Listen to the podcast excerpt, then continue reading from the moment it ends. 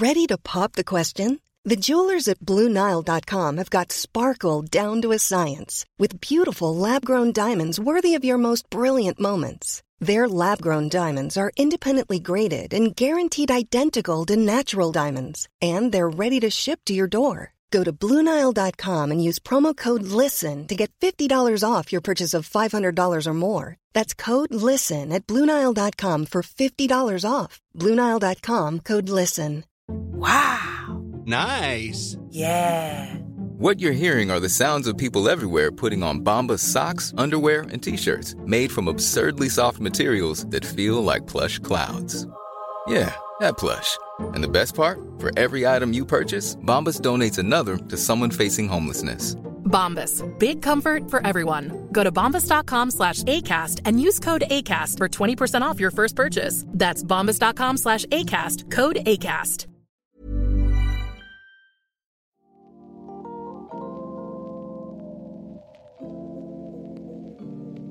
Det här är ett samtal med filosofen Bengt Brylde som har skrivit väldigt mycket om rättvisa eh, globalt och, och lokalt i Sverige. Och han har försökt förstå vad det är som vad betyder egentligen ordet och hur kan man använda det för att beskriva det vi ser i samhället och i termer av olika ojämlikheter. Och vi pratade lite grann om vad, vad är det som hände när vi börjat titta mer på ojämlikhet i Sverige i och med segregation och utanförskap. Och man vände bort blicken från internationella solidariteten och annat som präglade Sverige så mycket under, under 1900-talet. Det här är ett utdrag ur ett tidigare avsnitt och samtal med Bengt Bylde och under sommaren kommer vi sända urvalda delar av samtalen som vi tycker är extra intressanta. Och vi återkommer med nya avsnitt av Samtal med Svejman under hösten med starten 21 augusti. Jag minns början av 00-talet, alltså när politik överhuvudtaget började bli en, en fråga i, Mm. i, mina, liksom, i min värld. Det var alltså eh, 0001, liksom. det var Mm. Göteborgskravallerna, det var globalisering och attack och liksom det globala Ja. nord och globala syd och så vidare. Och rättvisefrågorna var, i alla fall för en del av offentligheten, en väldigt Mm. framskjuten fråga. Ja, absolut. Och sen hade vi också ett årtionde där, där, där det hände rätt mycket efter det rätt lugna 90-talet, visserligen med Balkankrig, men att sen så var det kriget i Afghanistan och Irak, liksom, eh, Mm. islamistisk terrorism. Alltså det var mycket fokus på det globala, internationella. Stora demonstrationer i Sverige handlade Mm. om liksom, Irakkriget och så. Mm. Och sen så kom lite grann världen till Sverige i form av att migrationen blev väldigt synlig i Sverige och då kanske Mm. så att säga, den samhällskontraktsfrågan nådde sitt, sin peak kanske 2015-2016. Mm. Mm. Tror du det kan förklara omsvängningen? Ja, jag, jag tror det är flera saker som kan förklara den här omsvängningen. Men det ena är ju att man kanske blev lite trött på de här globala rättvisefrågorna. Men sen är det också, man får också tänka på det att det inte är liksom helt oomtvistat vad som ska räknas som en global rättvisefråga heller. Ja. För mig är ju de här flyktingfrågorna och migrationsfrågorna, de är ju globala rättvisefrågor. Medan integrationsfrågan är en social rättvisefråga som ligger på samhällsnivå. Och jag tror att ju mer, ju, alltså det, det kan ju också vara en förklaring va? När, när man ser att det är svårt med integrationen så lägger man fokus där. Mm. Och eh, struntar i de här stora globala perspektiven och så. Kan det vara så att rättvisefrågorna i viss mån i svensk, liksom, svensk samtid var lite, i viss mån lite abstrakta? Alltså det, var, det var där borta och även kanske flyktingfrågan var i någon mån lite abstrakt. Visst, alltså, jag är rätt övertygad om att många människor nog var övertygade om att de största ojämlikheterna i världen är inte inom länder, Mm. utan mellan länder. Ja. Och därför var fokus där. Och vad som synliggjordes både, jag tänker mig EU-migranter, tiggeri, men även i viss mån liksom migration i övrigt, Mm. var att sen fick vi en ojämlikhet i Sverige som synliggjordes av migrationen. För att vi vet ju att sjuktalen är högre i utanförskapsområden och liksom inkomsterna är lägre. Mm. Det sociala och ekonomiska kapitalet är ojämlikt fördelat i det här samhället och det synliggjordes av just migrationen. Ja, jag vet inte exakt vad det var som synliggjorde det men nu, nu är det ju synliggjort. Nu har Cervenka skrivit sin bok och jag har skrivit min bok Ja. och, och andra har skrivit sina böcker om detta. Och, men det var väldigt, väldigt konstigt att det var så undanskymt under lång tid. Alltså den här, för den här svenska ojämlikheten både vad gäller tillgångar och inkomster har ju liksom skenat iväg mycket mer än i jämförbara länder. Och det har liksom inte talats om det förrän nu. Och det är klart, det kanske är ett uppvaknande för vissa att shit, det här är illa, alltså nu måste vi lägga fokus här. V- vad tror du?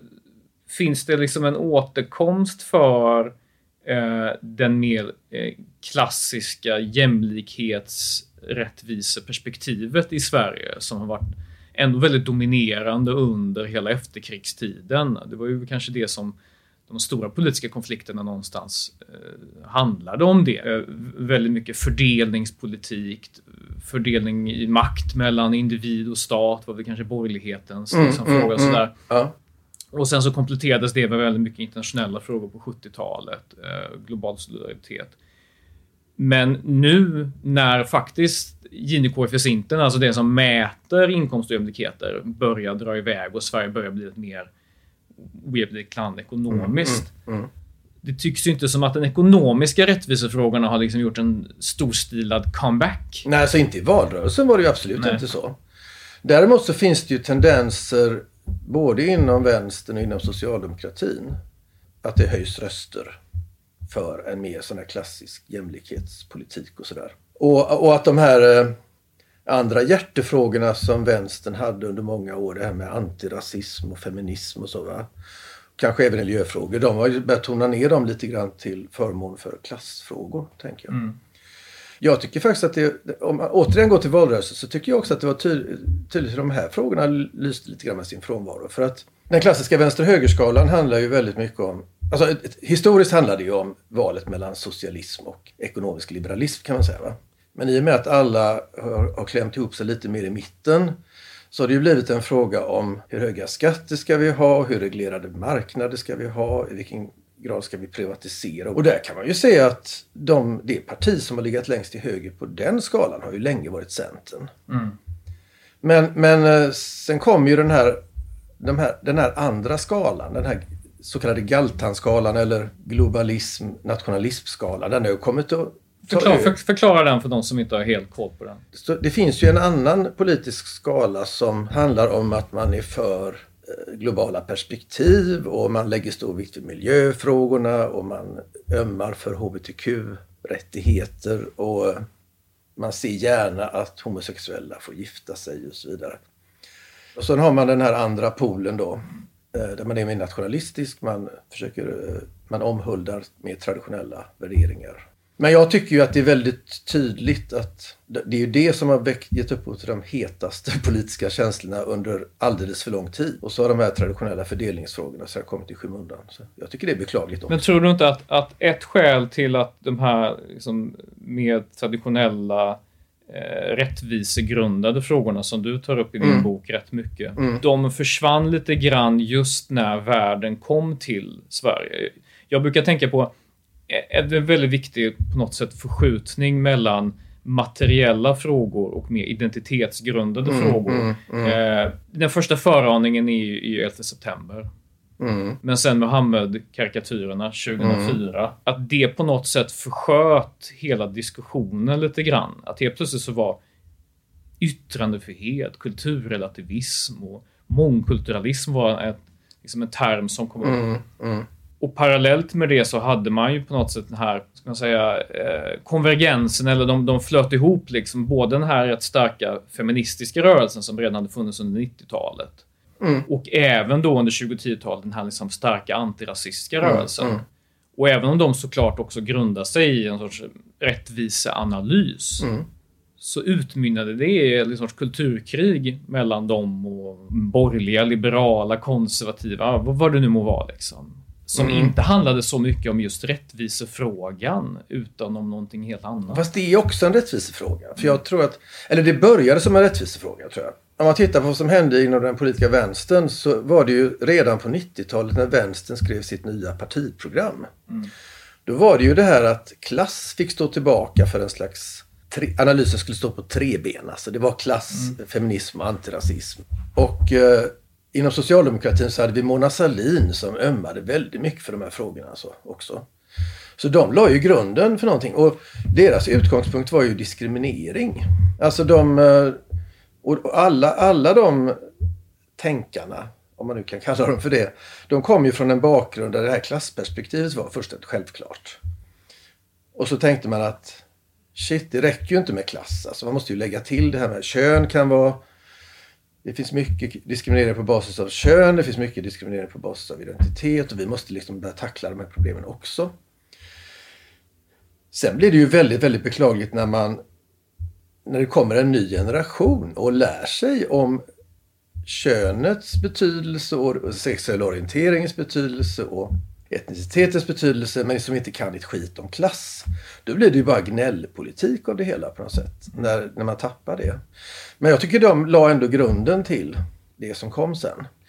Och sen får man inte heller glömma att, i, att det fanns en annan intressant diskurs inom den politiska filosofin i, i liksom länder som Kanada och så. Där man pratade mycket om ursprungsfolks rättigheter och så.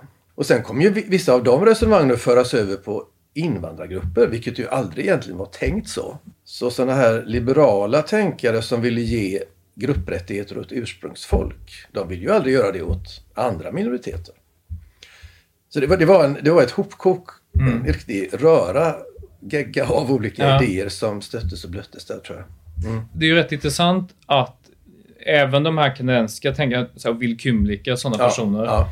men även fick vi under 2010-talet en, en nästan direkt översatt import av det som man i USA benämner som kritiska vithetsstudier och hela, mm. hela den grejen mm. som ju eh, har sina liksom intressanta poänger men den översätts också till så att säga den svenska kontexten som ju i huvudsak är en, liksom ett, ett invandrarsamhälle. Mm. Eh, Medan studiet i USA var ju lite annorlunda på något vis. Mm. Tappade man sina rötter, tror du? Alltså de som mest betonade rättvisefrågan i den här övergången till det här mer intersektionella perspektivet där liksom etnicitet, kön och allting fanns med?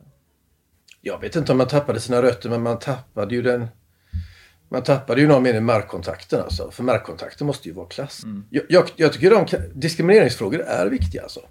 Frågor kring, frågor kring integration och grupprättigheter kan också vara viktiga ibland. Men om man inte har någon kontakt med det här med eh, socioekonomisk jämlikhet och klasstillhörighetens betydelse. Så om det liksom är om det helt saknas, då kan man ju gå väldigt vilse tror jag. Är inte det lite av en halmgubbe att säga att klass försvann? Alltså, så, en del när jag pratar med folk inom vänstern så menar de att ja, klass har försvunnit. Det är ett perspektiv som försvann. Och inte bara det, även så att säga upplevda klasserfarenheten försvann. För att så många inom vänstern blev själva liksom medelklass, urbana, mm, mm. välutbildade och de, ja. de, själva kunde kanske fortfarande teoretisera om klass. Ja. Men, men de hade ingen självupplevd liksom, klassbakgrund eller så mm, koketterade de bara med den. Um, del, dels det, men att man säger att jo, men det handlar inte om att klass har försvunnit. Mm. Det är bara att vi har kompletterat det. Det här är en mer fullödig analys. Mm. Klassperspektivet och, och marxismen och dess många andra variationer var allt för på något sätt kanske manligt kodad, eller vad man nu ska ja, beskriva ja.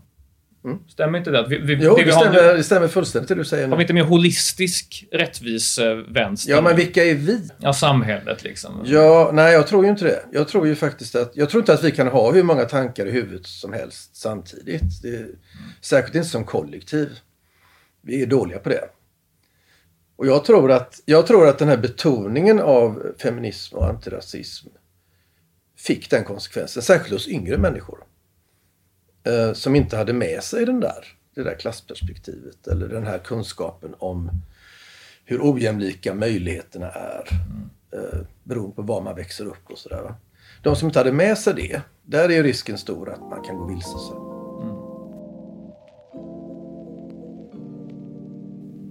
Du har lyssnat på ett samtal med Sveiman. Producent för den här podden är Isabella Persson och min namn är Adam Sveiman. Varannan vecka kommer nya avsnitt med personer som vi tror kan förklara och belysa vår samtid. Vare sig jag möter meningsfränder eller meningsmotståndare vill jag att samtalen präglas av öppenhet och intellektuell nyfikenhet.